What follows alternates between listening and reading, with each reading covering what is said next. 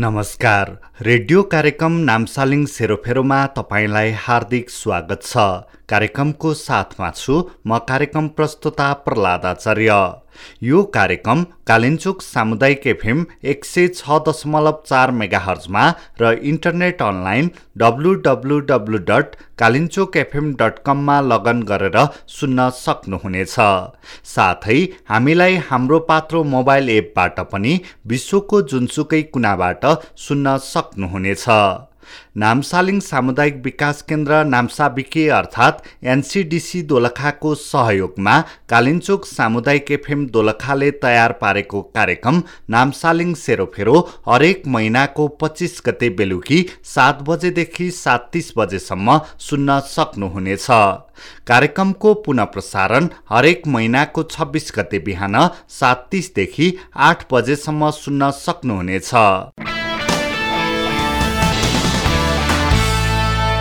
आज हामी कार्यक्रममा नामसालिङ सामुदायिक विकास केन्द्र तथा कालिन्चोक एकीकृत सामुदायिक विकास केन्द्रको साझेदारीमा जुलाई महिनामा सम्पन्न गरिएका मुख्य गतिविधिहरू र नामसालिङ सामुदायिक विकास केन्द्रका सुशासन संयोजक विनोद निरौलासँग कुराकानी गर्नेछौँ।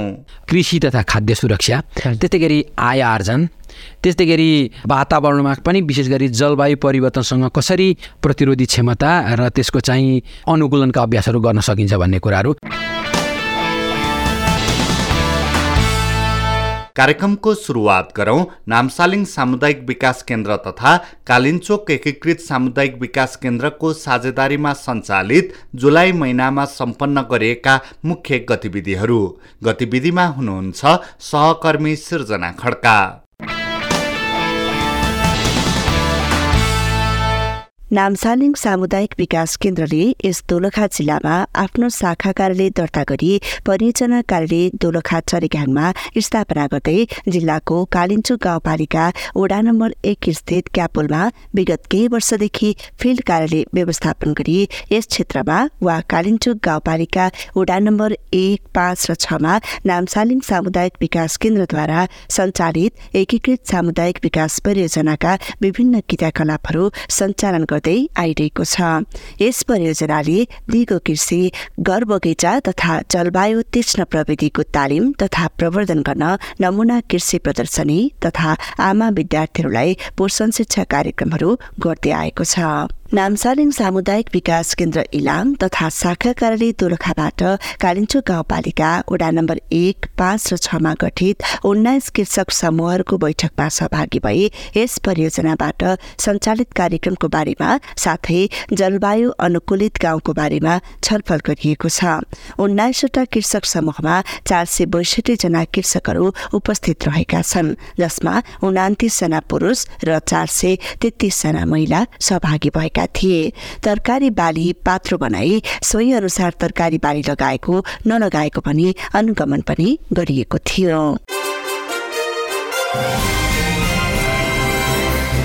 नामसालिङ सामुदायिक विकास केन्द्र इलाम तथा शाखा कार्यालय दोलखाबाट कालिन्चो गाउँपालिका वडा नम्बर एकमा गठित कृषक तथा महिला समूहहरूको घर घरमा गई प्लास्टिक टनेल बाख्रा कुखुरा गाईको खोर र गोठको निर्माण कार्यको अनुगमन गरिएको छ। साथै टनेल व्यवस्थापनको बारेमा जानकारी दिँदै हिउँदे मौसमको तरकारी बालीको बारेमा जानकारी पनि गराइएको छ। यस महिना उन्नाइसवटा कृषक समूहको एक सय पन्ध्रवटा टनेल अनुगमन गरिएको गरिएको छ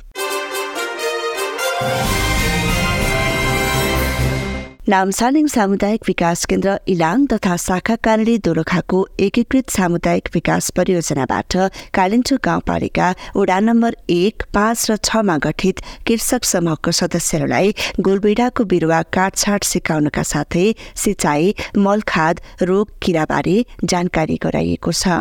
त्यस्तै यस कालिन्चु गाउँपालिका एक पाँच र छमा गठित उन्नाइस कृषक समूहका सदस्यहरूले लगाएको गोलबेडा खेतीमा देखा परेको डरुवा रोग किराको पहिचान साथै नियन्त्रणका उपायहरूका लागि प्राविधिक सल्लाह पनि दिएको थियो। साथै केबी र आलमोन्ड खेती अनुगमन साथै काउली बन्दा जस्ता हिउँदे तरकारी खेतीका लागि उपयुक्त जात छनौटमा प्राविधिक सल्लाह सुझाव पनि दिएको थियो।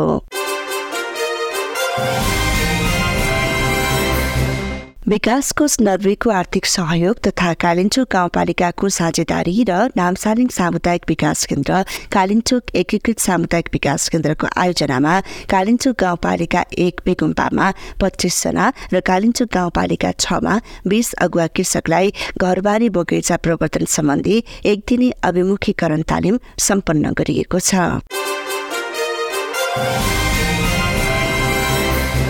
नामसालिङ सामुदायिक विकास केन्द्र इलाम अन्तर्गत एकीकृत सामुदायिक विकास परियोजना अन्तर्गत कालिन्चो गाउँपालिका पाँच लापिलाङमा सुन्तला खेतीका लागि पच्चिस कृषकहरू छनौट गरी छनौट गरिएका कृषक सदस्यहरूकोमा गएर सुन्तला खेतीका लागि उपयुक्त जग्गा छनौट गर्दै बिरुवा रोपणका लागि लेआउट गरी खाल्डो खन्न लगाई पच्चिसजना कृषकहरूलाई एक हजार सुन्तला र एक सय लिचीको बिरुवा वितरण गरी बिरुवा रोपणका लागि थप प्राविधिक सहयोग तथा सल्लाह सल्लाहका लागि समन्वय पनि गरिएको छ।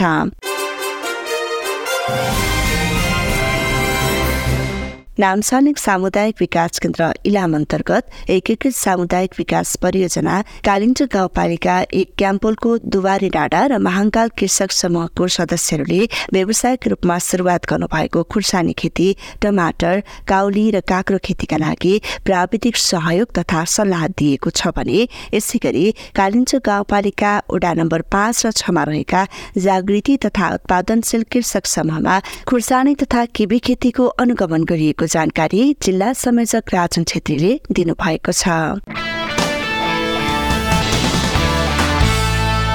भर्खरै सुनायौं नामसालिङ सामुदायिक विकास केन्द्र तथा कालिन्चोक एकीकृत सामुदायिक विकास केन्द्रको साझेदारीमा सञ्चालित एकीकृत सामुदायिक विकास परियोजनाले जुलाई महिनामा सम्पन्न गरिएका मुख्य गतिविधिहरू।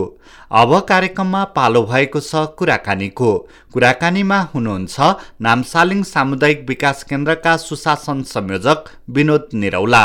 विनोद निरौलासँग सहकर्मी जीवन लामाले कुराकानी गर्नुभएको छ। कार्यक्रममा यहाँलाई स्वागत छ सर। धन्यवाद। दिनचर्या कसरी बितिरहेछ नि सर सामान्य छ। म इलामबाट आएको छु अहिले। यही दिन अगाडि आएको छु। हजुर। दोलखा आउन पाउँदा गर्व नै लाग्छ मलाई। कता कता दोलखा र इलामको भूगोल वातावरण मौसम पनि मिल्छ कि सर? मेरो अनुमान पनि त्यस्तै हो। धेरै धेरै कुरामा इलाम र दोलखा समानान्तर छ। यो चाहिँ हाम्रो बसोबासको हिसाबले यो भूगोलको हिसाबले हावापानीको हिसाबले इभन कृषि उत्पादनको हिसाबले पनि दोलखा र इलाम धेरै कुरामा समानता देख्छु म पनि। दोलखामा नामसालिङ सामुदायिक विकास केन्द्रद्वारा चाहिँ सञ्चालित धेरै कार्यक्रमहरू भइरहेका छन् जुन चाहिँ दोलखाको उत्तरी बेल्ट आदिवासी जनजातिहरू हामी समुदायको बढी बसोबास रहेको ठाउँ पनि हो। ती क्षेत्रमा चाहिँ यहाँहरूले लामो समयदेखि परियोजना सञ्चालन गरिरहँदाखेरि त्यहाँको भूगोल त्यहाँको चाहिँ वातावरण त्यहाँको चाहिँ रहन सहन कस्तो देखिराख्नु भएको छ? म अलिकति सुरुदेखि पस्न चाहन्छु। दोलखामा नामसालिङ सामुदायिक विकास केन्द्र जसलाई हामी एनसिडिसी भन्छौँ। एनसिडिसी इलामको दोलखासँग सहकार्य केही वर्ष अगाडिदेखि नै हो। हामी सुरुमा यहीँ दोलखाकै स्थापित संस्था टुकी सिबिनसँग हाम्रो चाहिँ संस्थागत समन्वय सम्पर्क भयो। त्यसपछि टुकी सिबिनकै सहकार्यमा हामीले यो चाहिँ भूकम्पभन्दा पनि अगाडि यो छैसठी पैँसठी छैसठी सालतिर चाहिँ दोलखा त्यतिखेर त गाउँ विकास समिति थियो। त्यतिखेर दोलखाको खोपाचाउ भन्ने गाविसमा चाहिँ हामीले त्यहाँको पहिलोपटक गाविसको आवादी योजना र वस्तुगत विवरण गर्न चाहिँ प्राविधिक सहयोग गरेको थियौँ जुन चाहिँ टुकी सिबिनले समन्वय गरेको थियो। त्यसपछि हामी दोलखामा क्रमशः हाम्रो चाहिँ भनौँ न सामिप्यता गाँसियो।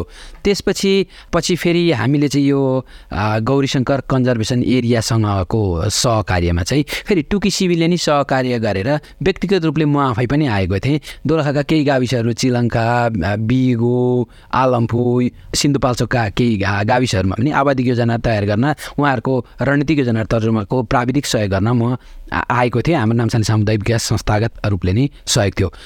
त्यही दौरान चल्दै थियो पछि चाहिँ विनाशकारी भूकम्प आयो दुई हजार बहत्तर सालको। बहत्तर सालको भूकम्पपछि जुन धेरै प्रभावित जिल्लाहरूमध्ये दोलखा पनि पर्यो त्यस क्रममा चाहिँ अब धेरै मानवीय क्षति पनि भयो धनजनको क्षति पनि भयो राहत उद्धारका आपतकालीन कामहरू पनि सञ्चालन गर्नुपर्ने भयो। त्यस अवस्थामा चाहिँ इलामबाट पुरानो दाम हाम्रो चाहिँ समीप्य रहेको सम्बन्ध रहेको गाउँ विकास समितिहरूलाई सहयोग गर्ने जुन रणनीति हुन्छ हामीले फेरि चाहिँ दोलखामा प्रवेश गर्ने अवसर पायौँ। त्यतिखेर हामीलाई जिल्ला प्रकोप समितिले चाहिँ समन्वय गर्नुभएको थियो। त्यसपछि हामी अहिलेसम्म सुरुमा राहतका कार्यक्रमहरू लिएर आएको पछि चाहिँ हामी पुनस्थापनाको कार्यक्रम लिएर चाहिँ अहिलेसम्म दोलखाको तपाईँले भनिहाल्नुभयो कालिम्चोक गाउँपालिका फेरि सबै क्षेत्र चाहिँ होइन अहिलेको कार्यक्रम चाहिँ कालिम्चोक गाउँपालिकाको विशेष गरी चाहिँ वार्ड नम्बर एक पाँच र छमा चाहिँ हामी आफ्ना परियोजनाका कार्यक्रमहरू केन्द्रित रहेर काम गर्दैछौँ। त्यो चाहिँ हामीलाई विकास कोष नर्वेले आर्थिक सहयोग गरेको छ। यो कार्यक्रम अन्तर्गत यो परियोजना अन्तर्गत के कस्ता खालका विकासका कामहरू अथवा के कस्ता खालका जीविकोपार्जनका कामहरू भइरहेका छन् अहिले? यो वास्तवमा यो कार्यक्रमको मोडालिटी नै हामीले यसलाई परियोजनाका नाम नै एकीकृत सामुदायिक विकास कार्यक्रम राखेका छौँ। त्यो हिसाबले गर्दाखेरि ग्रामीण जीवनको उत्थानको लागि एकीकृत कार्यक्रमको प्याकेज कस्तो हुन्छ भनेर हामीले पाँच छवटा कम्पोनेन्ट भनौँ परियोजनाका क्षेत्रहरूमा काम गरेर छौँ खास गरी हाम्रो कृषि तथा खाद्य सुरक्षा त्यस्तै गरी आय आर्जन त्यस्तै गरी वातावरणमा पनि विशेष गरी जलवायु परिवर्तनसँग कसरी प्रतिरोधी क्षमता र त्यसको चाहिँ अनुकूलनका अभ्यासहरू गर्न सकिन्छ भन्ने कुराहरू। त्यही गरी संस्थागत सहयोग अन्तर्गत चाहिँ साना समुदाय स्तरका समूहहरूको त्यस्तै गरी कृषि समूहहरूको महिला समूहहरूको उहाँहरूको संस्थागत सुदृढीकरण त्यस्तै गरी पोषणसँग सम्बन्धित कार्यक्रम र हामीले खानेपानी सिँचाइसँग सम्बन्धित कार्यक्रमहरूलाई चाहिँ हामीले एकीकृत रूपले अगाडि बढाएका छौँ। त्यो विशेष गरी मोडालिटी फेरि हाम्रो समुदाय छनौट छ। समुदायका प्राथमिकताका आधारमा हामीले चाहिँ साझेदारी आर्थिक पनि हुनसक्छ त्यो प्राविधिक सहजीकरण पनि हुनसक्छ त्यो हिसाबले काम गर्दछौँ र त्यसका लागि हामीले छुट्टै युनिट नै चाहिँ यहाँ स्थापना गरेको छौँ। खास गरी चरीकोटमा चरीघ्याङमा हामीले सम्पर्क कार्यालय स्थापना गरेको छौँ भने कालिम्चोक गाउँपालिकाको पनि वार्ड नम्बर एकको बस्तीमै हामीले चाहिँ बेगुम्पा भन्ने ठाउँमा कार्यालय स्थापना गरेर चाहिँ परियोजना कार्यक्रमहरू हाम्रो जनशक्ति त्यही राखेर परिचालन गर्दैछौँ। विनोद सर कतिपय एनजिओ आइएनजिओ भन्ने बित्तिकै मान्छेको बुझाइ मान्छेको सोचाइ अलिकति फरक हुन्छ। यिनीहरूको चाहिँ परियोजना हुन्जेलसम्म अथवा परियोजनाको काम चाहिँ हामीलाई हुन्जेलसम्म मात्रै सेवा गर्ने हो काम दिने हो त्यसपछि चाहिँ यसको चाहिँ केही पनि हुँदैन है। अब परियोजना सँगसँगै चाहिँ फर्किन्छ भन्ने खालको बुझाइ हुन्छ। यसको लागि तपाईँहरूले एउटा राम्रो प्र्याक्टिस अभ्यास चाहिँ समूह निर्माण गर्ने सहकारी बनाउने भनेर जुन भन्नुभएको छ यसको बारेमा पनि अलिकति जानकारी दिनुहोस्। तपाईँको आशंका स्वाभाविक पनि होला। बाहिरबाट आउने गैर सरकारी संस्थाहरूले कुनै पनि समुदायमा काम गर्ने भनेको निश्चित उद्देश्यसँगै निश्चित टाइम पनि हुन्छ। त्यो निश्चित समयभित्र उहाँहरूले आफ्ना कार्यक्रम परियोजनाका कार्यक्रमहरू त कार्यान्वयन गर्नुहोला तर त्यसको दिगोपना के हुन्छ भन्ने कुरा वास्तवमा गम्भीर प्रश्न नै हो। त्यसै हिसाबले हामीले केही वर्षदेखि अगाडिदेखि हामी त एकचालिस सालमा स्थापना भएको संस्था हो। यो बिचमा हामीले धेरै ठाउँमा धेरै किसिमका परियोजनाहरू सञ्चालन गऱ्यौँ तर हामी गइसकेपछि अथवा सम्बन्धित दाताले छोडिसकेपछि त्यसको अवस्था के हुन्छ भन्ने बारेमा हामी पनि आफै पनि गम्भीर छौँ। त्यही कुरालाई मध्यनजर गरेर कालिम्चोकमा सञ्चालित जुन हाम्रो एकीकृत सामुदायिक विकास परियोजना छ त्यसलाई चाहिँ सुव्यवस्थित रूपले र समुदायले नै अपनत्व लिएर आगामी दिनमा पनि त्यसका नियमित कार्यक्रमहरू सञ्चालन गर्नको लागि हामीले सबभन्दा सुरुमा चाहिँ गाउँपालिकाको आवादिक योजना तर्जुमा गर्न सहयोग गर्यो जुन गाउँपालिकाले तयार गर्नु पर्यो त्यस अवस्थामा हामीले सम्बन्धित वार्डको सम्बन्धित क्षेत्रको विशेष योजनाहरू हामीले हेर्न सफल भयौँ। त्यहाँ के कस्तो आवश्यकता रहेछ कस्तो रणनीति लिएर जानुपर्ने रहेछ भन्ने कुराले हामीले त्यसलाई हेऱ्यौँ। त्यसको हेरिसकेपछि हामीले त्यसको बेसलाइन गऱ्यौँ। बेसलाइन गरिसकेपछि हामीले कार्यक्रमहरू तय गऱ्यौँ। त्यो कार्यक्रम हामीले त प्राविधिक रूपले तय गरेको मात्रै समुदायको आफैको अगुवाईमा चाहिँ त्यो कार्यक्रमहरू एक्टिभिटीहरू त्यहाँ पहिचान भएको छन्। त्यस आधारले हेर्दाखेरि हामी के दावा गर्न सक्छौँ भने त्यो योजना त्यहाँ गर्ने कार्यक्रम समुदायको हो। त्यसमा प्राविधिक जुन डेकोरेसनको कामहरू हुन्छ त्यो कुनै गैर सरकारी संस्थाले गर्न सक्ला जस्तो हामीले गऱ्यौँ होला। अब हामीले कार्यक्रम सञ्चालन गर्दा जुन दुई हजार सत्रदेखि बिससम्म एउटा फेज थियो र एक्काइसदेखि हामीले टार्गेट गरेको अहिले दुई हजार पच्चिससम्मको जुन दोस्रो चरणको कार्यक्रम छ। अब हामी हामीलाई विश्वास छ हामी पच्चिसदेखि त सायदै रहँदैन होला। तर त्यो बिचमै अब हामीले संस्थाले सञ्चालन गरेको कार्यक्रमको दिगोपना कसरी गर्ने भन्ने आधारमा चाहिँ हामीले फेज आउट रणनीति तयार गर्छौँ। त्यसको आधारमा हामी जे जे कार्यक्रम गर्छौँ त्यो समूह मार्फत ती स्थानीय समूह मार्फत गर्छौँ। अब समूह आफै त फेरि स्थायी संरचना त होइन। त्यसलाई त कुनै स्थायी संरचनामा आबद्ध गर्नु पर्ला भन्ने हिसाबले कालिम्चोकको हकमा हामीले सहकारी हाम्रो अन्तिम लक्ष्य चाहिँ एउटा समुदाय परिचालन गर्ने सहकारी हुन्छ त्यसलाई सहकारीसँग आबद्ध गर्ने सहयोग र त्यहाँबाट उत्पादन भएका सामग्रीहरूको जुन बिक्री विनिमय छ र समूह गठन परिचालन एवं त्यहाँभित्रको पुँजी चलायमान बनाउने एउटा सहकारीको अवधारणा हुन्छ भनेर हामीले सहकारी प्रवर्धन गऱ्यौँ सँगसँगै अर्को चाहिँ सहकारीभन्दा विशुद्ध छुट्टै अर्को उद्देश्य लिएर हामीले चाहिँ गैर सरकारी संस्था पनि स्थापना गरेर त्यो गैर सरकारी संस्थालाई प्रवर्धन गर्न सक्यौँ। हामीसँग भएको हामीले काम गर्दा सिकेका अनुभवहरू त्यो संस्थालाई हामी हुँदाकै बखतमा चाहिँ आदान प्रदान गर्न सक्यौँ भने भोलि हामी नदौडाउनु भने हाम्रो ठाउँ चाहिँ क्यारी ओभर गरेर लिएर जानु सक्नुहुन्छ होला भनेर हामीले कालिम्चोकको हकमा कालिम्चोक एकीकृत सामुदायिक विकास केन्द्र जसलाई हामी केआई केआइसी केआइडिसी भन्छौँ केसिडिसी पनि भन्छौँ त्यो संस्था छ गैर सरकारी संस्थाको रूपमा विशुद्ध थामी बस्तीमा रहेको एउटा ग्रामीण गैर सरकारी संस्था हो। त्यसलाई अहिले हामीले प्राविधिक आर्थिक र चाहिँ मानवीय कर्मचारीगत क्षमता अभिवृद्धिका कामहरू पनि गरिरहेका छौँ। उहाँहरूको आफ्नो संरचना कार्यालय सञ्चालनको लागि कार्यालय स्थापनाको लागि अनि फर्निचर तथा उपकरणहरू लगायतका उहाँहरूलाई क्षमता विकासको लागि के गर्न सकिन्छ भनेर उहाँहरू अहिले हामी सँगसँगै हिँड्दै हुनुहुन्छ। त्यसपछि हामीलाई आशा छ हाम्रो सिकाहरू उहाँहरूले सिक्नुहुन्छ अनि हामीले पनि ग्रामीण स्तरका धेरै कुराहरू उहाँहरूबाट सिक्छौँ र त्यो मोडालिटी फेरि अर्कोतिर लगेर गर्न सफल हुन्छ भनेर हामीले एकातर्फ गैर सरकारी संस्था प्रबन्धन गर्दैछौँ भने अर्कोतर्फ चाहिँ हाम्रो खास गरी कालिम्चोक वार्ड नम्बर एकमा दिपजङ साना किसान सहकारी संस्था भनेर प्रवर्धन गरेको छौँ। त्यहाँको समुदाय स्तरको कार्यक्रम चाहिँ सहकारीले ह्यान्डल गर्ने भन्ने हिसाबले भने यतापट्टि जुन हामीले लापिलाङको वार्ड नम्बर ए लापिलाङ भन्ने ठाउँमा वार्ड नम्बर पाँच र वार्ड नम्बर छका कार्यक्रम त्यहाँ चाहिँ आदिप सहकारी संस्थासँग आबद्ध भएर भोलि हामी नहुँदा पनि यो संस्थागत संरचना चाहिँ हराएर जाँदैन है भन्ने हिसाबले एउटा संस्थागत स्वरूप लिएर हामीसँग भएका ज्ञान सिप पुँजी पनि त्यही समूहलाई हस्तान्तरण गरेर त्यस मार्फत अगाडि बढ्छ कि भन्ने रणनीति लिएर हामीले गर्दछौँ। दिगोपनाको लागि हामी चिन्तित छौँ र त्यसका लागि हामीले अभ्यासहरू सुरु गरिसकेका छौँ। हजुर। भनेपछि तपाईँको बुझाइमा उहाँहरूले नामसालिङ सामुदायिक विकास केन्द्रद्वारा सञ्चालित एकीकृत सामुदायिक विकास परियोजना नभए पनि यो चाहिँ हाम्रै लागि हो हाम्रै हो भन्ने कुरा उहाँहरूले अपनत्व महसुस गरिरहेका छन्। हाम्रो प्रयास चाहिँ त्यही हो। अहिलेसम्मको परिणाम हामी सन्तुष्ट नै छौँ किनभने उहाँहरू हामीहरू सँगसँगै हिँड्नुहुन्छ। स्वाभाविक हो केही कुरा सिक्न बाँकी होला तर के कुरा सिक्न बाँकी छ त्यो ग्याप पनि हामी एनालाइसिस गरेर हामी एक चरणको त्यहाँकै स्थानीय संस्थालाई चाहिँ एक चरणको क्षमता विकास गरेर अगाडि बढाउन सक्यौँ भने आशा छ हाम्रो अनुपस्थितिमा नि उहाँहरूले यो कार्यक्रमलाई स्मुथली लिएर जानुहुन्छ भन्ने विश्वासका साथ नै अहिले हामी काम गर्दैछौँ। हाम्रो फोकस अहिले कार्यक्रम कार्यान्वयनतर्फ एक्टिभिटी कम्प्लिट गर्ने एक्टिभिटी कार्यान्वयन गर्ने र त्यसबाट नतिजा निकाल्नेमा जति केन्द्रित छ त्यति नै त्यो संस्थाहरूको क्षमता विकास र संस्थालाई पनि अगाडि बढाउनेमा केन्द्रित रहेको हुनाले दुईवटा एकदम समदुरीमा गइरहेको छ। विश्वास छ उहाँहरूले गर्न सक्नुहुन्छ। के गर्न सक्नुहुन्न भन्ने कुरा हामीले अहिले ग्याप एनालाइसिस गरेर उहाँहरूको फेरि क्षमता विस्तार आउने हामी कार्यक्रमहरू राख्छौँ र निरन्तर गरिरहेकै छौँ। हजुर। विनेश सर जस्तो तपाईँको एनजिओ आइएनजिओमा काम गरेको अनुभवको हिसाबले सिकाइको हिसाबले चाहिँ वास्तविक समुदायको लागि अझ भनौँ हामी समुदाय त अलिकति आर्थिक सामाजिक रूपमा पनि पिछडिएको जातिको रूपमा लिइन्छ। त्यस्ता समुदायका लागि त्यस्ता ठाउँहरूमा काम गर्दाखेरि वास्तविकता चाहिँ के बुझ्नुभयो के सिकाइ गर्नुभयो नि तपाईँले? यो हाम्रो म नेपालको धेरै जिल्लाहरूमा यस्तै समुदाय विकासको कामहरू लिएर धेरै अधिकांशमा पचासभन्दा धेरै जिल्लाहरूमा हेर्ने हिँड्ने अनुभव गर्ने मौका भएको छ। तर दोलखाको केस चाहिँ विशिष्ट छ। एक त बस्ती नै चाहिँ अलि सदरमुकामबाट धेरै टाढाको बस्ती। यहाँ दैनिक क्रियाकलाप गर्ने सदरमुकाम आउन नै एक दिनको बाटो छ आउन जान गर्नको लागि। त्यस्तै कि खर्चिलो पनि छ। अर्को चाहिँ त्यहाँ हामी जुन समुदायमा टिपिकल केन्द्रित रहेर काम गर्छौँ त्यो चाहिँ थामी द समुदायहरूको चाहिँ बसोबास चाहिँ अधिक छ। अब थामी समुदायका केही आफ्नै मौलिक विशेषता केही आफ्नै रीतिरिवाज र उहाँहरूको केही आफ्नै जीवन पद्धतिहरू पनि देखिया छ। खास गरी कुरा गर्नु न मैले देखेको अनौठो चाहिँ के छ भने थामी समुदायको जमिनहरू एकदमै खण्डीकृत छ। हाम्रो मुख्य पेसा कृषि तथा पशुपालन हो। एक त जमिन खण्डीकृत छ। दोस्रो कुरा चाहिँ युवा जनशक्ति खास गरी पुरुषहरू चाहिँ श्रमको लागि बाहिर जाने चलन धेरै छ। बाहिर पनि पछिल्लो चरणमा तेस्रो मुलुक गए पनि दोलखाको थामी समुदाय अथवा दोलखाबाट श्रमको लागि जाने भनेको खास गरी भारत हो। है भारत पनि म दार्जिलिङ सिक्किमतिर पनि धेरै हाम्रा दाजुभाइहरू देख्छु होइन। त्यो हिसाबले गर्दा कृषिमा आश्रित समुदाय पशुपालनमा आश्रित समुदाय।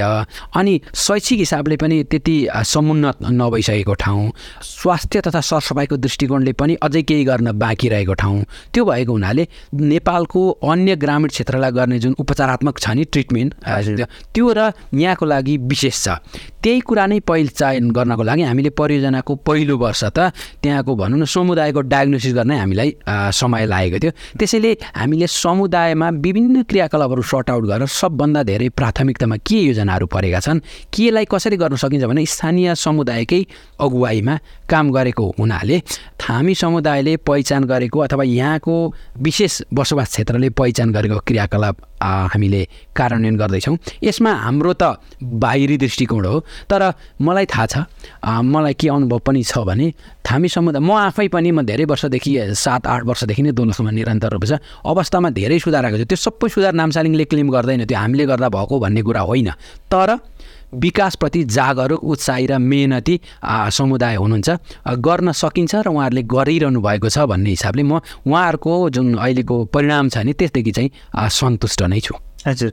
तपाईँले प्राथमिककरणको कुरा गर्नुपर्छ मान्छेलाई पहिले त बाँच्नै पऱ्यो खानै हजुर।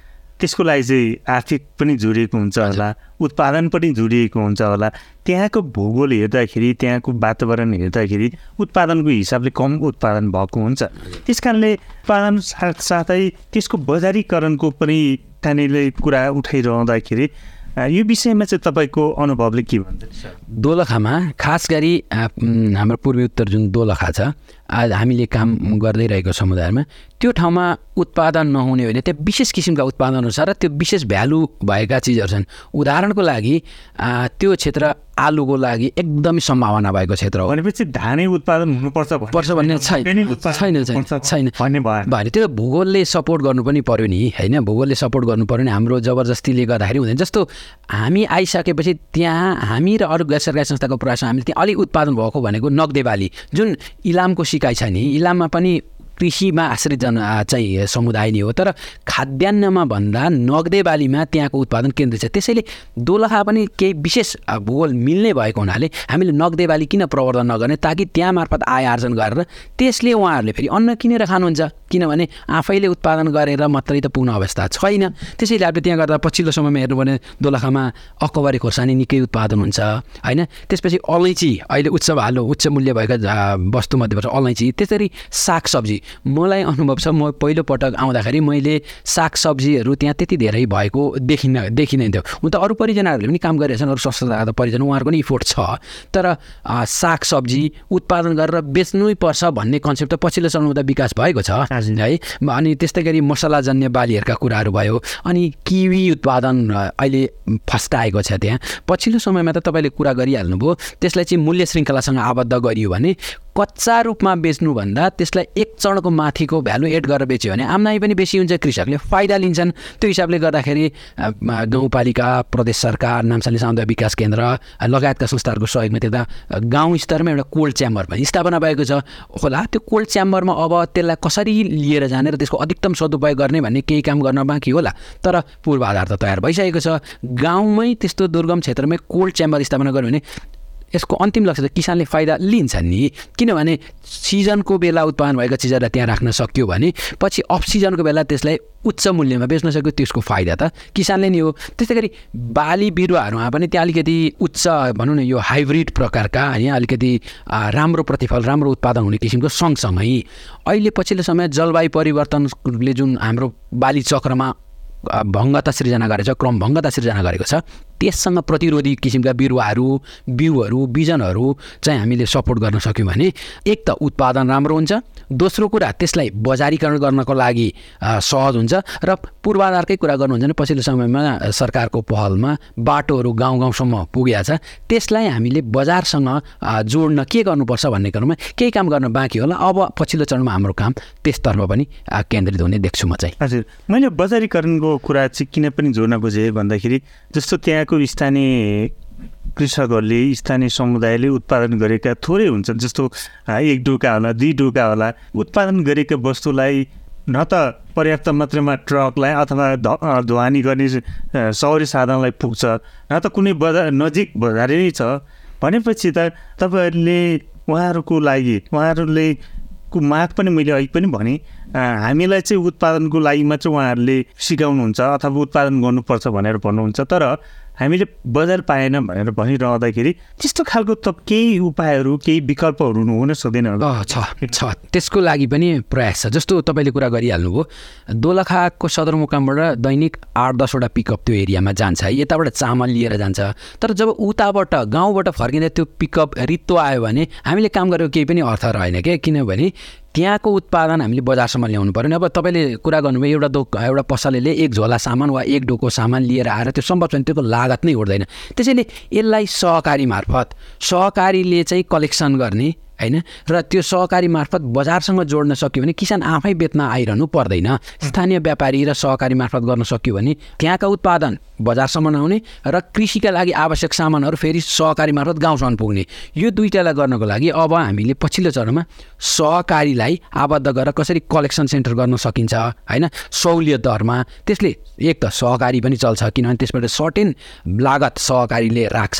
बाँकीको प्रतिफल चाहिँ सोझै किसानसँग जाने हुनाले अबको उत्पादन हामीले सहकारीसँग जोड्न पर्छ त्यसको स कलेक्सनहरू सँगसँगै यदि त्यही कुनै कुराहरू प्रशोधन गरेर उच्च मूल्यमा राख्न सकिन्छ भने त्यसको लागि पनि क्षमता विकास कार्यक्रमहरू तालिमका कुराहरू होइन काम गर्न सकिन्छ भनेर अब हाम्रो अन्तिम जुन हामीले फेज आउट स्ट्राटेजी कुरा गऱ्यौँ उत्पादन भयो उत्पादन बिकेन भने किसानमा निराश आउँछ है। र पछिल्लो समयमा त मान्छेप्रति खेतीपातीमा एकदम निराश आइरहेको बेलामा यसतर्फ पनि हाम्रो कार्यक्रमहरू चाहिँ केन्द्रित छ हामी सचेत छौँ आशा छ यसलाई पनि हामीले चाहिँ पूर्णता गर्न काहीँ न काहीँ भूमिका निर्वाह गर्छौँ। सर हामी कार्यक्रमको अन्तमा पनि आइसकेका छौँ। आगामी दिनमा तपाईँहरूको लगभग यो दुई वर्षको वर्षाइमा अथवा दुई वर्षको अवधिमा चाहिँ तपाईँहरूले छोडेर जाँदाखेरि त्यहाँ स्थानीयहरूले पाउने परिणाम स्थानीयले चाहिँ आहा हामीलाई चाहिँ यो एकीकृत सामुदायिक विकास परियोजनाले गर्दाखेरि यो लाभ भयो भन्ने खालका छाप अथवा त्यस्ता खालको उहाँहरूलाई बुझाइ चाहिँ के गर्नुहुन्छ? सबभन्दा ठुलो कुरा चाहिँ हामी गैर सरकारी संस्थाले गाउँपालिका र वडा कार्यालयसँगको जुन सम्बन्ध स्थापना गरेर हामीले साझेदारीमा समेत कतिपय कामहरू गरेको छौँ त्यो कार्यक्रमको सिकाइ हामीले प्रमोट गर्दै गरेको समूह सहकारी र गैर सरकारी संस्थाले सिक्नुहुन्छ। त्यो सिकाइले गर्दा भोलि स्थानीय सरकारसँग उहाँहरू नजिकको सम्बन्ध राखेर काम गर्न सक्नुहुन्छ होला जस्तो एउटा लाग्छ। अर्को चाहिँ हामी हुँदाहुँदै दौरानमा समूहमा छरिएर रहेका पुँजीहरूलाई एकत्रित गरेर एउटा सहकारी मार्फत गर्ने जुन अभ्यास सुरुवात भएको छ त्यसले निरन्तरता लिएर जान्छ र यसको काहीँ न काहीँ श्रेय नामसालिङ समुदाय विकास केन्द्रलाई आउँछ जस्तो हामीलाई लाग्छ। अर्को चाहिँ दोलखाको कालिन्चोक जस्तो दुर्गम बस्तीमा थामीहरूको बस्तीमा एउटा व्यवस्थित रूपको जग्गासहितको भवन कार्यालय स्थापना गरेको छौँ। त्यसमा काहीँ न काहीँ नामसालिङ समुदाय विकास केन्द्रको आउँछ किन त्यहाँ हामी आएर गर्ने त्यो त्यहीको संस्थाको त्यहीको थामी समुदायको त्यहीको समुदायको स्थायी सम्पत्ति भयो होइन? त्यसको श्रेय पनि अर्को जान्छ होला जस्तो लाग्छ। अर्को चाहिँ जुन अहिले नयाँ किसिमले खेतीपाती सुरुवात गरिएको छ। खास गरी नगदे बाली र किसानहरूले घर बगैँचा प्रवर्धन गरेर आफू कमसेकम बेच्न नपुगे पनि आफूले उत्पादन गरेर खा सागसब्जीहरू खानुहुन्छ भने पोषणमा त त्यसले काहीँ न काहीँ योगदान गर्यो नि होइन? अथवा बजारबाट किनेर ल्याउनु पर्ने कुरा आफ्नै आफ्नै चाहिँ बारीमा उत्पादन भने काहीँ न काहीँ हाम्रो आर्थिक प्रतिफलमा त्यसले योगदान त गर्यो नि। त्यो हिसाबले गर्दा त्यस्ता सिकाइहरू र समूह परिचालन समूह जागरणमा जुन हामीले एक किसिमको सँगसँगै सँगसँगै हिँडेर केही कुराहरू सिक्ने सिकाउने अवसर पाएको छौँ। त्यसमा काहीँ न काहीँ नामसालिङ सामुदायिक विकास केन्द्रलाई चाहिँ भनौँ न हाम्रो योगदान हामीले पाएको हामी सन्तुष्ट हुने ठाउँ छ जस्तो लाग्छ। र जुन हामीले जलवायु परिवर्तन भनेको अहिले विश्वको जुन जल्दो बल्दो इस्यु हो त्यसका लागि केही कार्यक्रमहरू गरेका छौँ। जस्तो जलवायु परिवर्तन तिनवटा चरण छ। एउटा जलवायु परिवर्तन के हो? होइन? हामी टु नो भन्छौँ त्यसलाई। त्यस्तैखेरि टु डु भन्छौँ त्यो के गर्ने त? भाउन त भयो। गर्ने के त? भागेर जाने त उपाय छैन। त्यस्तै गरेको कामलाई दिगो कसरी गर्ने भनेर चाहिँ एउटा फ्रेम एउटा चक्र बनाएको छ हामीले। टु डु टु नो र टु सस्टेन। त्यो तिनवटा चक्रमा चाहिँ ओहो जलवायु परिवर्तनबाट भागेर साध्य छैन र छोडेर पनि साध्य छैन। कि त हामीले त्यसलाई न्यूनीकरण गर्न योगदान गर्नु पऱ्यो कि त त्यसै अनुकूल अनुकूलन हुनु पऱ्यो भन्ने हिसाबले जस्तो पछिल्लो टनेल खेतीहरू आएको छ होइन? त्यस्तैखेरि जलवायुको असर खप्न सक्ने किसिमको बिउ मल प्रजातिहरू जुन हामीले बिउ उत्पादन र सहयोग गरिरहेका छौँ त्यो हिसाबले गर्दाखेरि एउटा नयाँ किसिमको सिकाइ त्यो समुदायमा भयो होला त्यसमा हाम्रो काहीँ न काहीँ योगदान छ होला जस्तो लाग्छ र समुदायको धारणा स्थानीय सरकारको वडा कार्यालयको अहिलेसम्मको धारणा हामीसँग ठिकै गर्नुभएको छ भन्ने हिसाबले भएको हुनाले आगामी दिनमा म त भविष्य एकदमै उज्जवल देख्छु कालिम्चोकको धन्यवाद छ हजुर यहाँको महत्त्वपूर्ण समय अनि विचारको लागि। हस् धन्यवाद। भर्खरै सुनायौँ विनोद निरौलासँग सहकर्मी जीवन लामाले गर्नुभएको कुराकानी। यही कुराकानी सँगसँगै आजको कार्यक्रमको अन्त्यमा आइसकेका छौँ। तपाईँलाई कार्यक्रम नामसालिङ सेरोफेरो कस्तो लाग्यो? यस कार्यक्रमको बारेमा तपाईँको सल्लाह सुझाव प्रतिक्रिया केही छ भने पठाउन सक्नुहुनेछ। सल्लाह सुझाव पठाउनको लागि ठेगाना कार्यक्रम नामसालिङ सेरोफेरो कालिन्चोक सामुदायिक एफएम चरिकोटमा पठाउन सक्नुहुनेछ। त्यसै गरी शून्य उन्चास चार एक्काइस सात सात चार वा शून्य उन्चास चार एक्काइस सात सात पाँचमा आफ्नो सल्लाह सुझावहरू दिन सक्नुहुनेछ। यतिन्जेलसम्म हाम्रो कार्यक्रम सुनेर साथ दिनुभएकोमा तपाईँलाई विशेष धन्यवाद दिँदै म कार्यक्रम प्रस्तोता प्रहलाद आचार्य अर्को महिना पच्चिस गते बेलुकी सात बजेसम्मका लागि बिदा हुन्छु। तपाईँको यो महिना शुभ बितोस्। नमस्कार।